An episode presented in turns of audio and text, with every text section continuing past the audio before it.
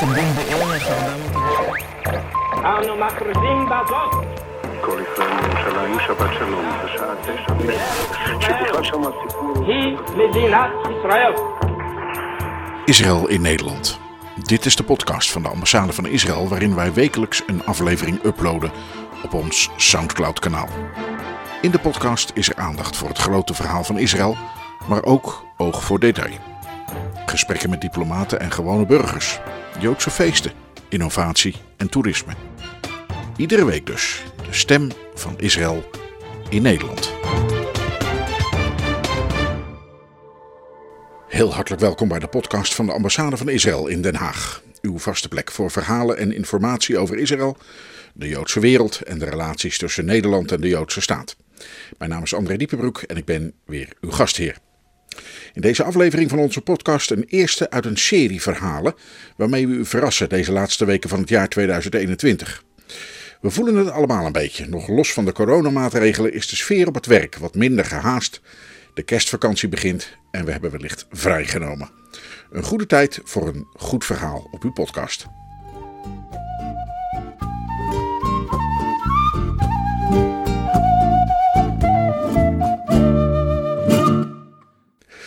Als we vanuit 2021 30 jaar teruggaan in de tijd, komen we aan in een warme zomer in het jaar 1991. Die zomer is in Ethiopië wel heel warm, om het maar eens zo te zeggen. In het land is het crisis op vele terreinen: economie, voedsel en veiligheid. Er woedt een burgeroorlog, overigens net als dit jaar ook het geval was. Te midden van die chaos vindt Operatie Salomo plaats.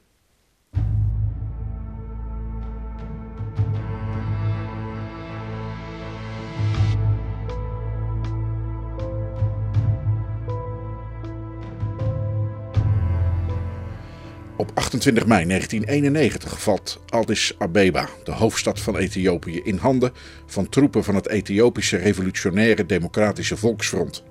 Waarmee een formeel einde komt aan het 17 jaar marxistische heerschappij in het Oost-Afrikaanse land. In 1974 werd Haile Selassie, de leider van Ethiopië, sinds 1930 afgezet bij een militaire staatsgreep de nieuwe heersers van Ethiopië zetten een marxistisch regime op, executeerden duizenden van hun politieke tegenstanders en sloten zich aan bij de Sovjet-Unie. De oorlog met Somalië en ernstige droogte in de jaren 80 brachten hongersnood onder het Ethiopische volk, wat leidde tot aanzienlijke interne conflicten en onafhankelijkheidsbewegingen in de regio's Eritrea en Tigre.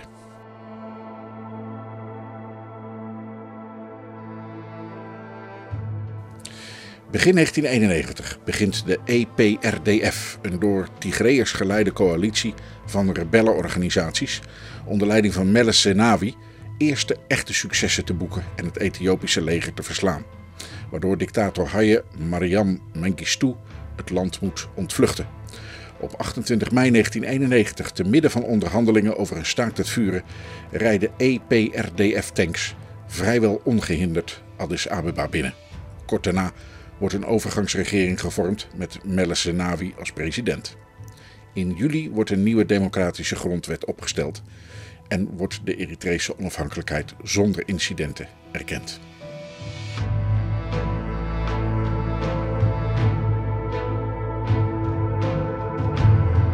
Al een jaar eerder landt een Israëlische diplomaat in Addis met als doel interim ambassadeur te worden.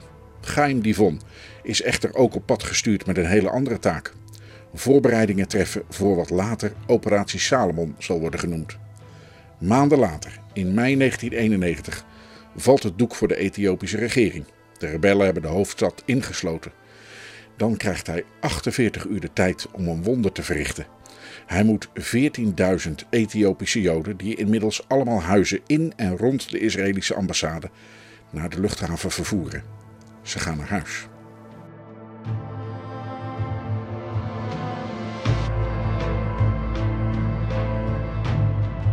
De geschiedenis van de Ethiopische Joden is in nevelen gehuld. Nevelen van geschiedenis, traditie, religie en folklore. Feit is dat zij in de loop van de 19e en de 20e eeuw ontdekt worden door afgevaardigden van Joodse en Zionistische organisaties. Na het ontstaan van Israël in 1948 En later na hun erkenning als van Israëlitisch-Joodse afkomst worden enkele duizenden van hen in 1985 naar Israël gebracht in Operatie Mozes. Vele van hen komen onderweg naar Sudan om het leven. Er moet iets gebeuren. Wat is er dan mooier om het jubileum van dat verhaal, 30 jaar na dato, te bespreken met oud-ambassadeur Chaim Divon zelf in zijn huis in Den Haag.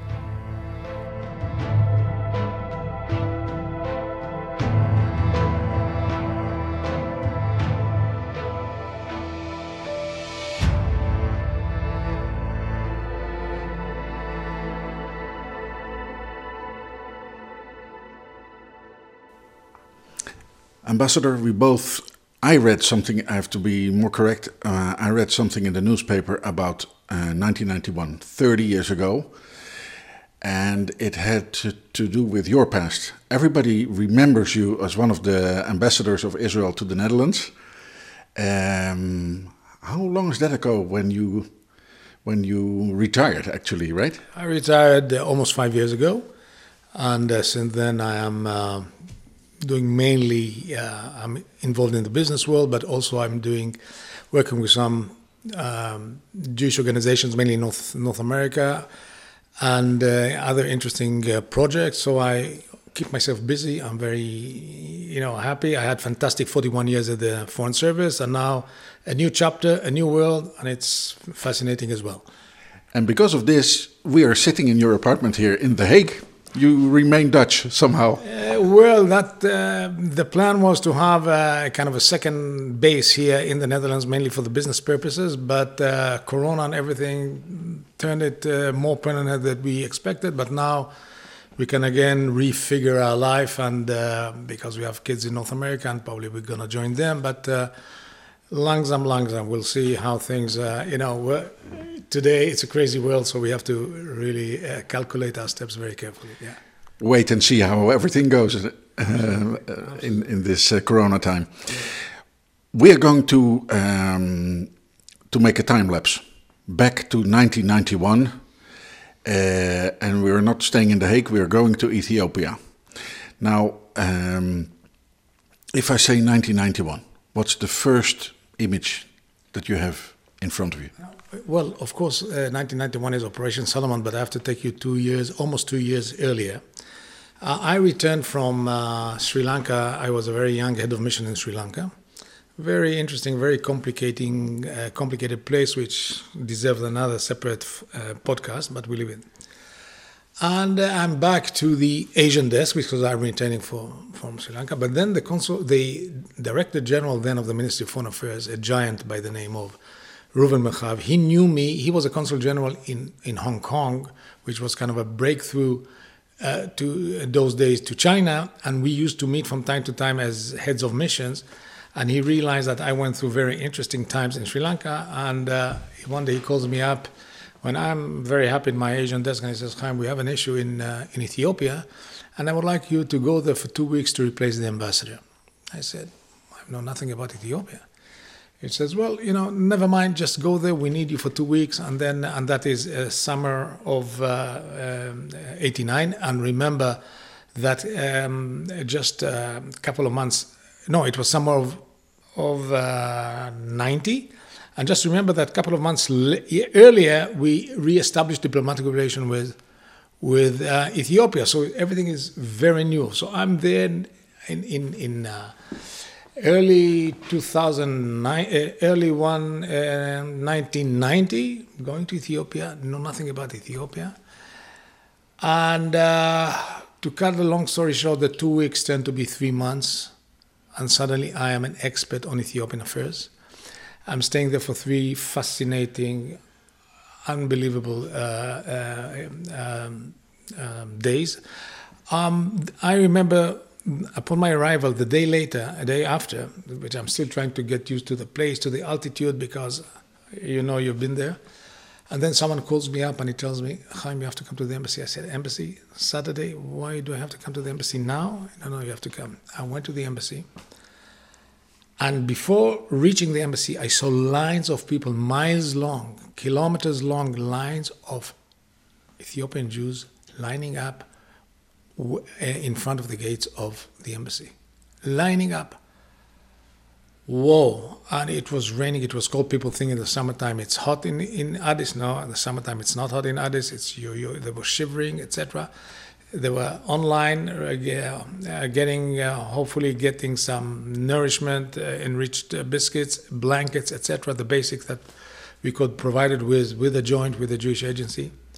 And for me, that was the first introduction to this new world of the Ethiopian Jewry.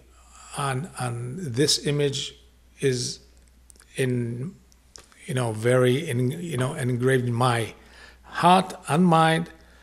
Afterwards, Operation Solomon came about, but that was the first scene to see the lines, and they were standing there quietly.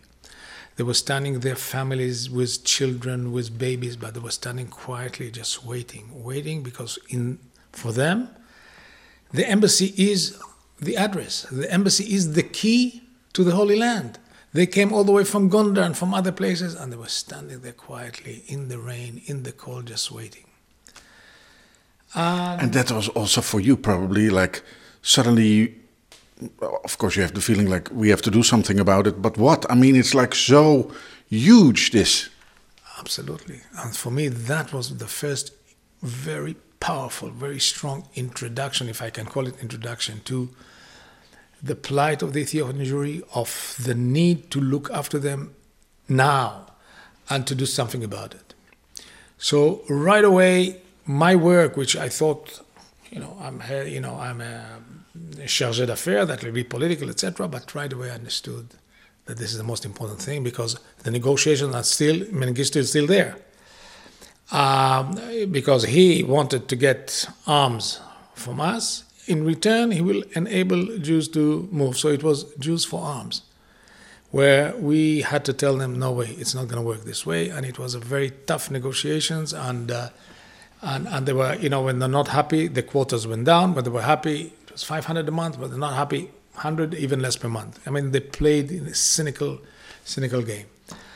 Um, and uh, in the meantime, I'm getting used to the new uh, atmosphere. I realize that actually the embassy has to be much more than an embassy. In a way, it has to be machane ma'ava, machane olim in a way that to part of it is an embassy, a normal embassy, but part of it is a place where we are able to to treat, to absorb, to treat, to train, to look after the thousands of Ethiopian Jews who were moving from the north, mainly from the north to Addis Ababa. And who were waiting outside in the rain. I mean, it was like an acute problem. Oh, it was, you had to deal with it right away. And then I started realizing who's who in the embassy that we have. Very unique embassy that you have uh, an office of the Jewish Agency, you have the office of the Joint, Al Maya, you have, of course, an embassy, consular affairs, etc. And you have to orchestrate and to be in charge and, and, and to make sure that everything is going well. And I was the one that told the uh, and head office actually accepted my recommendation that we have to turn the big compound of the embassy, or at least half of it, into kind of an absorption center, which it did. A camp. Yeah, absolutely. With all the facilities, with a clinic, with uh, everything, with, with offices, what, what, whatever you need. And although they didn't sleep there, but at least they can come in, they are being treated, they are being uh, registered, etc. And after uh, three months, when I when my uh, the term uh, was my term was over as a temporary uh, chargé d'affaires, you know, you do it usually for a short period of time. I go back home and I'm thinking, well, I'm going back home and go back to the Asian desk, which was very interesting because we just developed relations with China, Japanese, Japan is opening up, etc. The, the director general then again Reuven Merchav said, no, no, no. From now on, you will be the the coordinator of Ethiopian affairs at the ministry. Because usually up to now, we didn't have this term of coordinator of all because someone is dealing with Ashav, someone economic, someone is is is dealing with uh, the political. You are dealing. You are actually the one that will take it all, and uh, because it is so sensitive, so important, I knew you will be the coordinator of Ethiopian affairs. So I started being the coordinator, and then It's also a bit strange, right? You leave the office, you you're uh, it's in, the ministry in uh, in Jerusalem, so you're on the street, and you suddenly realize now I'm the responsible guy for this whole operation. Well, then then we started at that point we we we started thinking of the need to bring out the Ethiopian Jews for several reasons. Number one, the uh, rebels then were getting they're winning slowly slowly the war and uh, pushing the forces of Mengistu and coming closer to the capital and we knew that once they are going to invade the capital, there might be a bloodshed. You don't know. And those who are not steady there, like you know the the, the uh, Beta Israel, they might be hurt because they they are foreigners in Addis Ababa. They living in shift in makeshift camps, etc. And so we don't know how this civil war will unfold, and therefore we, we knew that okay, there has to be a way to, and then we started planning the um, uh, operation, while uh, Reuven Merchav, the Director General, asked me to be the coordinator of interministerial committee who planned Operation Solomon. By the way, the, the army came much, much later at the end. It was, and, and with all due respect to the IDF, etc., and they did a terrific job. They flew, took the, you know, the groups and flew back, but, and, and, and flew them back to Israel. It But all the arrangements, what just think just think you and all the listen, all the listeners. We're talking about 1991 there are no cell phones. There are no whatsapps. There are no any ways of communication. There's a curfew because of the because of the civil war because of the how actually at night you are able to bring almost 15,000 people to the compound of the embassy without everyone noticing it because of the curfew. Someone is moving, someone is out, he will be shot. That was, in my eyes, the most important aspect of the operation because if we wouldn't have been, if that wouldn't have happened, there wouldn't have been an operation. The, uh, the IDF came already for everything being prepared, the groups, the you know, everything was well organized. They did a terrific job, but that wasn't the major challenge. The challenge was how do you bring them all? Families, kids, babies, that they'll walk quietly in groups. How do you how do you alert them? When you say it's time to go, who tell them? How do you tell them? Where do they go? I mean, just think of that. Everything is, and you don't have the lights that you have in every city that that everything is lit. It's stark, dark. There's no lights. Curfew. Everyone is at home. No one is moving. No street lights. Nothing. And that was one of the so uh, one of the challenging aspects of making sure that Operation Solomon will succeed. A. Bringing how do we bring them all in? Who is in charge? And the decision was first of all that it will be the younger, you know, the generation, the young leaders of the community, that they each one of them will be in charge of a group. Each one will know who, which which group is he responsible for, and afterwards put you know that they'll have numbers on their foreheads that we know where who do they belong to. To cut the long story short, they, for me, if we talk about heroes, they are the number one heroes of this of this operation. Those Ethiopian youngsters that uh, knew how to make it happen under unbelievable, inconceivable uh, conditions, to be able to organize them quietly, in a very organized manner, in a well, well disciplined, to bring them quietly to the um, to the compound of the embassy once we once we give them the green light. And uh, then, what do you do in the embassy? You bring. Luckily, going back a minute, luckily we had a big compound that we were able to have 14,000 or more people inside. If we wouldn't have had a big compound, imagine it wouldn't have, wouldn't have been able to happen at the, let's say, Dutch embassy, the Israeli embassy today in the Netherlands, because you don't have a there's no compound. no compound. So when when this compound was bought, was bought and it was then far away from the center of town, people said, ah, the Israelis crazy. Why are they moving from the center of town to the outskirts? And it is so far away and so big. Shortly after we bought it, Mengistu cut relation with Israel, and the uh, Swedish took over. We actually lent it, you know, uh, to one of the to the embassy to the NGO, so we were able to to keep it, and we got it back once we reestablished diplomatic relation. Otherwise, if there wouldn't have been a compound, there wouldn't have been an operation. Wouldn't have been an operation because you had to make sure that all those who are qualified will come in, that registered in advance will come in, no one else. Because if people will realize that the way to run away, to get out of Ethiopia, even if you're not Jewish, and, and, and escape the battle, is to jump into the Israeli uh, compound, it would have been flooded. Luckily, we had those big walls, etc. And good thing we had this compound with a wall around it, and that enabled us to bring everyone in in couple of hours as planned. We didn't miss one single person. Imagine more than 14,000 people with kids. No one said, Oh, where's my son? Oh, where's Moishe? Where's... No, everyone was there. Can you, you just think about it? How? No WhatsApp group, no SMS, no phones, no nothing. But just, you know, quietly preparing themselves in advance in a quiet and disciplined, And, and nothing came out. Nothing came out. Because, you know, the soldiers then, still the uh, soldiers of Mengistu, they knew someone is breaching the curfew, he'll be shot on the spot. So this, this one went very well.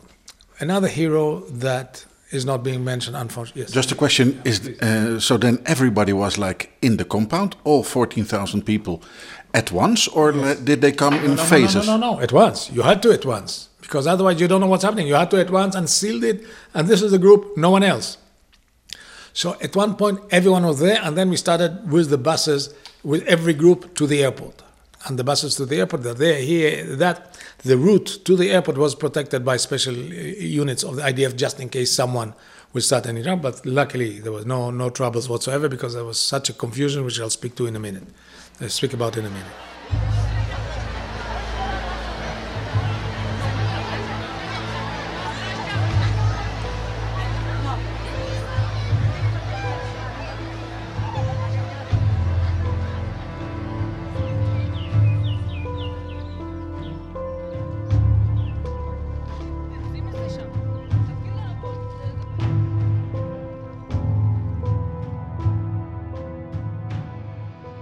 So you have a, situation where the rebels are approaching Addis and they are surrounding Addis. It's a matter of a day or two until they will invade and take over. What do you do? If they are moving in and there will be it won't be easy. You know, Mengistu's soldier will fight, at least for a certain period, which they did. Explosions, which they were. And here are, is another hero that is that their role, their amazing role, was actually was not mentioned because again, people afterwards, everyone wants to rip the uh, you know the the the glory, and everyone went to rush and uh, and being interviewed. I didn't even have time because I had to rush right away back. I was part of the time in the situation, situation room in the Ministry of Foreign Affairs. Then took one of the planes, went to to Addis, took back, went back with the last plane, and straight away into the situation room in the ministry because the the, the rebels are coming in, and we have a an embassy that we don't know what will be the fate. Will the um, what? How will they be treated by by the rebels? Do, are the rebels still angry over the fact that, unfortunately, in the past we did sell some arms to to Mengistu? Do they, you know, are they going to maintain diplomatic relation? What will be the fate of our ambassador and other people? So I had to go back and be online 24/7 with with the embassy with the ambassador to make you know to see what's happening to the, if there's any problem at least to try and call the americans etc why so who who was missed with all the you know uh, you know the covid all the uh, and they kept and they did an amazing job the americans? The Americans were the one who told us already in the past, you are not going to sell any lethal equipment, military equipment, to Mengistu as Mengistu demanded. If you have to, it should be non-lethal communication, first aid, you know, mobile hospital, no lethal. And we were good children, obedient. Uh, uh, obedient. It doesn't happen often, as you know, but this time we were obedient, and we worked very careful with the Americans. So the Americans were the one who told the um, who told the rebels, "Listen, please wait one day extra. Don't invade because there is an operation." Really? Yeah. Yeah. See, you know, most of the people didn't hear that because, again, everyone is telling his story from their perspective. And I always say the youngsters who brought their fellow Ethiopian Jews to the compound and the Americans, for me, are the heroes. We, and um, of course, we prepared the, uh, the special um, instructions of the uh, of the operation Pkudat where you know exactly step by step what has to be happen. The army, of course, had their own because they are bringing the planes in and out. We were joking with them, the chief of staff, is is us is our um, you know uh, Pkudat Mivtza is the most important one, or and you are just a, a, an annex, or vice versa? Because no, no, no, no, you are the annex. No, no, yeah. But anyway, the most important thing is that that it was successful and it, it happened. So you have just to go back, the Americans playing an incredible role. And we always tend to forget, well, no matter whether it's Republican or Democrats, they're friends, it wouldn't have happened without them. Simcha Dinitz, then the chairman of the uh, uh, Jewish Agency, did a fantastic job in, uh, in, in, in speaking to his friends in Washington, in Congress, etc. So we got the full support of, uh, of, of the embassy, of course, and, and State Department, and those youngsters. So um, this is, you know, when you when you think about Operation Solomon, you always remember the, the, the airplanes coming in, going out, coming. Important, of course. Without them, it wouldn't have happened. But what happened before? How? Who made sure that people will be waiting in line in an orderly manner, group by group. This group assigned here, this group assigned here, this group is, will be number three to this plane. This now it's group number four tend to go on this bus. Now the group number five on that bus with the numbers on their on their um, uh, on the forehead. So um, and and when I uh, I was there uh, during and I visited often and during not only during my three times as chargé, but and not only afterwards as an ambassador, but, but in between as a coordinator of Ethiopian affairs, whenever I used to travel and I used to see this amazing community, how they are so, you know, disciplined, so, um, you know, they know exact, so determined. They're willing to, you know, they want to, to go to Zion. They want to, uh, they know that the embassy is the key to the Holy Land, to the state of Israel. And therefore, this is it. You have to go to Addis Addis, you go to the embassy, and sooner or later you'll be in Israel. And we've seen also during my time as an ambassador, not only as a chargé d'affaires, I've seen hundreds, hundreds of, you know, groups of hundreds going to Israel in different, you know, continuously. So it wasn't just Operation Solomon, which was amazing, but it was also after, it was before, etc.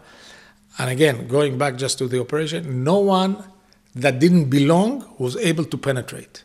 And no one was left behind. Imagine in the dark, in curfew, no communication methods, and with children that didn't cry, that didn't scream, and don't say, "Hey, I forgot my laptop." There were no laptops, yeah, and um, uh, and and it was just uh, incredible. So when I, trying to recollect and think about it, I say, "Wow." wow, it's just uh, unbelievable.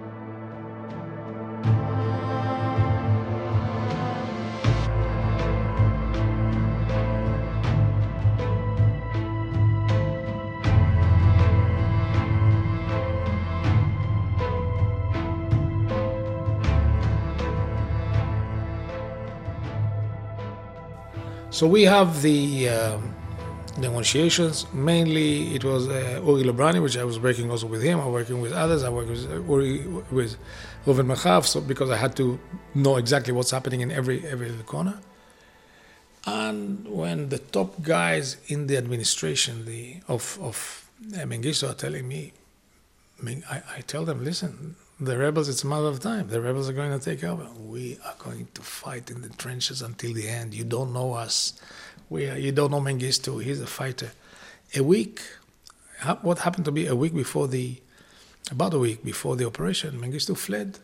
Mengistu, the hero, the, the brave, the, the, the soldier that will fight till the end, fled to, to Mozambique because he appointed to uh, Zimbabwe because he appointed his brother as an ambassador to Zimbabwe, knowing probably that he will need a refuge. His brother prepared his refuge over there and he fled. So I'm saying to myself, listen, this is a chaotic situation. Who do you deal with? Chaotic. I mean, you don't have the leader. What's going on here? That becomes even more dangerous. Every soldier can do whatever he wants. How do you actually make sure that operation is, is, is continuing? And this is also another miracle that it's such, uh, you know, um, such a situation. What a havoc. What a that you just you know who's in charge. Who do you talk to? Who's who's running the uh, the airport? And uh, in the midst of that, because of the balagan, you know, it's not only uh, an Israeli word, what a balagan over there. We were able to move ahead because no one knew what's happening. And probably people thought, okay, if they're doing it, probably they received permission. No one, I think, not everyone knew or was aware that Mengistu fled. You know, many of the soldiers. So good thing that they, some of them did know because who knows what they would have done. So just think how many elements came came into place. Yeah. So then, let let's go. So these people, uh, all the all of the Jewish community is in the compound, and then it's the morning dawn, or no, no, it's no, it's in the night. No, you don't wait for morning. You started busing them right away. The minute there you bus them, bu- bus. You know, all depends on the. The minute there's an airplane coming in, you bus, and you know that's about to land. Two, three buses are going, are going, uh, you know, according to capacity, four buses. How did you know that nobody was shooting in the airport at the buses? Because you called this officer, but maybe. I know. Therefore, you had, uh, again, to be on the safe side just in case, because you didn't know in this very uh, sensitive situation if someone will decide to shoot or someone will decide to shoot to bring down a plane. Imagine if there was a jumbo with thousand people, jumbo with thousands olim. It takes one crazy um, soldier with a machine gun. He doesn't know hey, what's the, this plane going on to bring it down. He doesn't know what's inside. And it comes down. It comes down. So um, so we had the special units just to you know to protect both the um, route. Luckily, it's a very probably it's the closest airport to uh, to a city that you know if you look at any airport in the world, you know you you you travel for 20 minutes, the end of the city, beginning of an airport. I mean you, you've been there, so you know. So luckily, it wasn't a short. It was a short, relative short journey, which could have been protected Unluckily, it wasn't. Uh, we didn't have to test that, and also the airport to be to have the our people there because again, everyone else was, you know, people just didn't know what's happening because you know there's a war. They know the soldiers probably, uh, maybe some of them running for their lives. They know that the rebels are there, and the rebels came in because afterwards I'm in situation room. The only the only network that worked was CNN, and I see CNN the explosions in the city in, in sites that I am familiar with. And you just were out in time with all the people. all the people, but then I had to be in uh, in contact with our embassy, with the you know ambassador and, and one or two of his people that were left behind. So I didn't have time to go to have interviews or to say, oh, you know, I just and I was happy that I was able to do my job and to give the support needed to our ambassador when he told me the rebels are approaching the hotel. He's staying at the Hilton Hotel. I don't know which hotel you stayed in Addis, but he, they're, they're approaching the Hilton Hotel and we didn't know whether they're coming after him or not. No, at the end, and we were worried. And I said, hide. And I'm, I remember this phone call: hide behind the uh, underneath the, the, the bed if they're coming to look for you. Luckily, they they they had a they wanted to encircle the, the palace, which is across the street from the from the Hilton Hotel. So they went through the gardens close to the apartment of the ambassador. Now, uh, on a certain moment, you have to give the green light. I mean, the planes are probably in the air, and then you have to give the green light. Yes, you can land. No, we have to give the green light. First of all, yes, you can leave.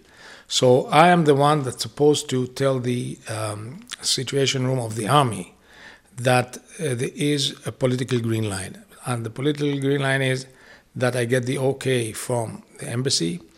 I get the okay afterwards from I I I, I relay to the uh, office of our minister then David Levy, and that everyone is is there you know uh, synchronized.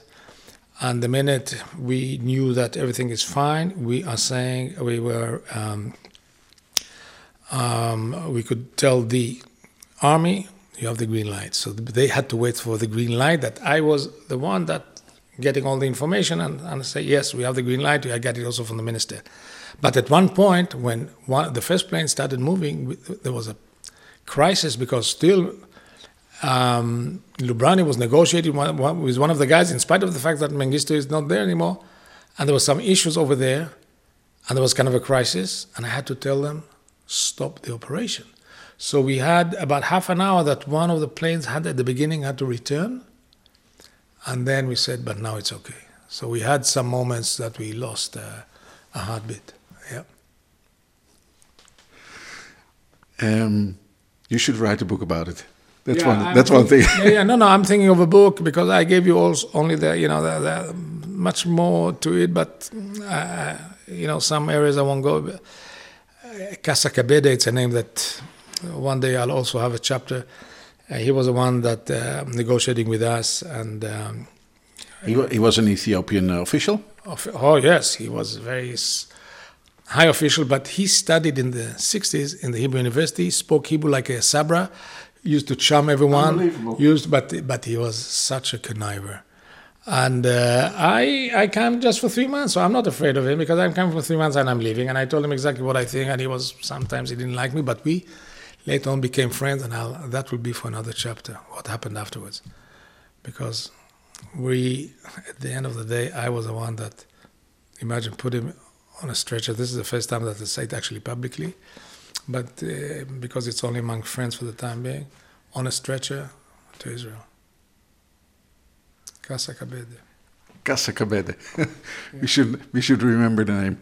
Now, um, so you gave the green light. The first plane is actually landing. And then, and then once once it's about to land, and of course uh, they are communicating with the uh, situation room at the embassy, and the embassy knows okay, it's about to land. Send the first, let's say it can take 300 people. 300 people on buses will go right away to the uh, to the airport, waiting where it will be landing. And there is one of the guys that he was actually um, a member of the joint. He made sure that the guy that is operating the the um, ladders to you know for people to go in and out the the the uh, to go to climb up the um, the uh, the the plane. He won't say, "Hey, my my shift is over." So he used to say, "Listen, here's a bonus, bonus, bonus," and he got a lot of bonuses, and they stayed because without without the the bladders, there's no there's no operation. So just those all those little things. All those little aspects to it, and then of course you have all these groups of people waiting uh, on the tarmac. The the plane stops. Probably the engines remain running. Absolutely. You, you, they, they, they went up and off they go. And then the next plane comes down, another round of buses. And we, we, we had once able to practice going on buses because we wanted to make sure that, you know, some of the It would go smoothly. and some of them don't know maybe what bus is. So we organized uh, once or twice a tour, a visit to the local zoo, in order for people, you know, the the Beta Israel living in different parts to to get used to the fact, ah, yes, you are on this bus going to the zoo, you're on business. So that was also part of the practice. And that that happened like a few months before the operation. Yeah, yeah, yeah, yeah. While we were all planning it, sure, because we had to f- think of every every little aspect. Ambassador, if I'm listening to you, you now, it's like a film, a movie. Um, After you come back to Israel, of course, you, you go to the operation room. Uh, you have to take care of the people that are still in Addis, the ambassador, and also they go out or they, they could stay behind probably because the rebels didn't uh, harm them. And then what? I mean, it. I think if I'm uh, listening to you, the the the peak of your life is over, like right? And I, therefore I thought, okay, that was it was amazing, etc. But of course, you pay a price because you're hardly at home for almost a year, hardly at home, traveling back and forth to Ethiopia, going to Tel Aviv, going to anyway, staying and, until midnight every day at the office. And I said, okay, this is it, Chinuch, you know, okay, it was great, but I have to move on. And then I was called by the Director General, he informed me, you are our next ambassador to Ethiopia. I said, you know, I had my shit, you know, and and I knew that my wife, she had, I mean, I of course very happy, excited, but she paid such a, you know, we have kids, teenager, etc., all the difficult ages. She said, you know, and I, Ethiopia was was great, but enough. I want something else. So she she was against it, but the pressure was on. We went there, and she had tears in her eyes when I told her we're going, but she had tears in her eyes when we left because we got so attached to the place. I mean, I was already before, but Linda as well, and and and it was just heartbreaking to leave such a place with so much of history, so so many memories, and and of course uh, Operation Solomon at the as as a highlight. You pay a price for things like this, But it's and is is it worth it? Absolutely, absolutely. Otherwise, we wouldn't have been sitting here. no, no, I'm saying absolutely. Otherwise, I wouldn't have been seeing today, you know, um, a minister that is of Ethiopian origin, MPs, diplomats, you know, doctors, whatever. Um, the uh, one of our dear friends, he passed away, was uh, Zimna Berhane. He was working for the Jewish agency. We were very close friends. He passed away. He was sick his daughter Orit. She's now, I think, a leading biochemist. She's unbelievable, unbelievable, you know. And they want her all over. She was, if you remember the Corona, they offered her grants in in top universities in the U.S. Just give people the opportunity. One one more question. You went on the last plane to Israel. But, yeah. Why was that? It feels like the captain who's. No, it was because we also had to have, first of all, the last plane to make sure that everything is wrapped up and and and, and completed, and we can say c'est fini. But also, we had to sit down with the ambassador, then Asher the late Asher and tell him, Asher, you're staying behind. We decided because some people say let's close, let's bring him as well, and when things stabilize, we'll go back. And, and some said, well, you don't know. If we close down the embassy temporarily, we might not be able to open it because we don't know who the rebels are. And I, and not only I said, look, we, we trusted the Americans so far, we can trust them that, you know, if something happens, he, he can, they will assist him. We should, we should leave a skeleton of a, of, um, of, of people. And I'll never forget this meeting that we had at his, at his um, suite because he was still in a, in, in, in an apartment in a, in a hotel. And we had this meeting, and I told him, Asher, yeah, not only me, but whoever was there, you're staying behind with one or two. He didn't blink an eye. He was strong. He was no problem. He didn't say, "Oh, you know what? I have a headache. I should go. I, I, I, I miss my wife and maybe someone else or my deputy." No, staying, and that was a risk because we still didn't know how the rebels will perceive us, but we we knew that we can count again on the Americans. So remember the Americans, and I think then it was a, I don't know whether Republicans or Democrats doesn't make a difference. We just don't know how much throughout the years we owe the Americans, and Operation Solomon is one of them. And this is an opportunity just to, for everyone to know that the Americans played a key role, but they never came out and bragged about it, etc. And I hope they were thanked the proper because I actually I was planning last year before Corona for the for last uh, May for, for, for a month ago with a senior American official that she used to be an, um, a, a, diplomat at Jewish diplomat at the American embassy. We, we became good friends. to have an event, and she became very senior in the in the Trump administration, to have an event where we thank the Americans. And she loved the idea, but Corona, so maybe another time.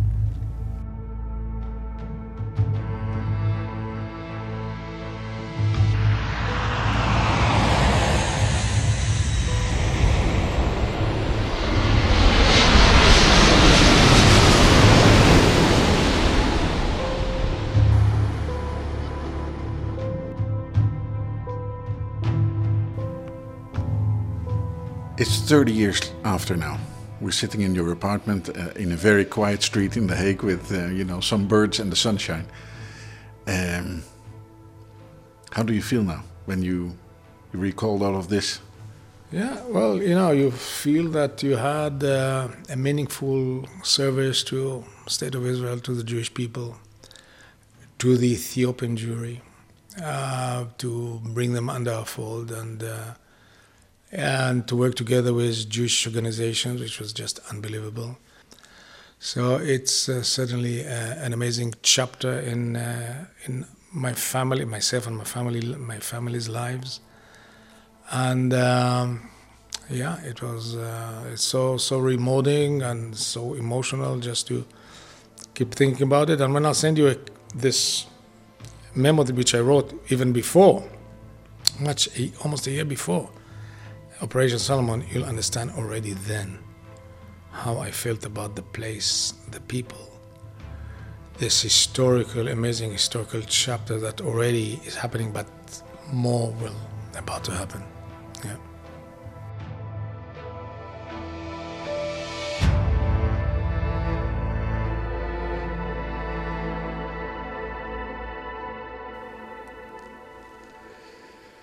En dat vertelde oud-ambassadeur Chaim Divon in Den Haag. Voor meer achtergrond over de Ethiopische Joden verwijs ik graag naar de collega's van het CIDI, die er op hun podcastkanaal Misrach een interessante aflevering over maakten.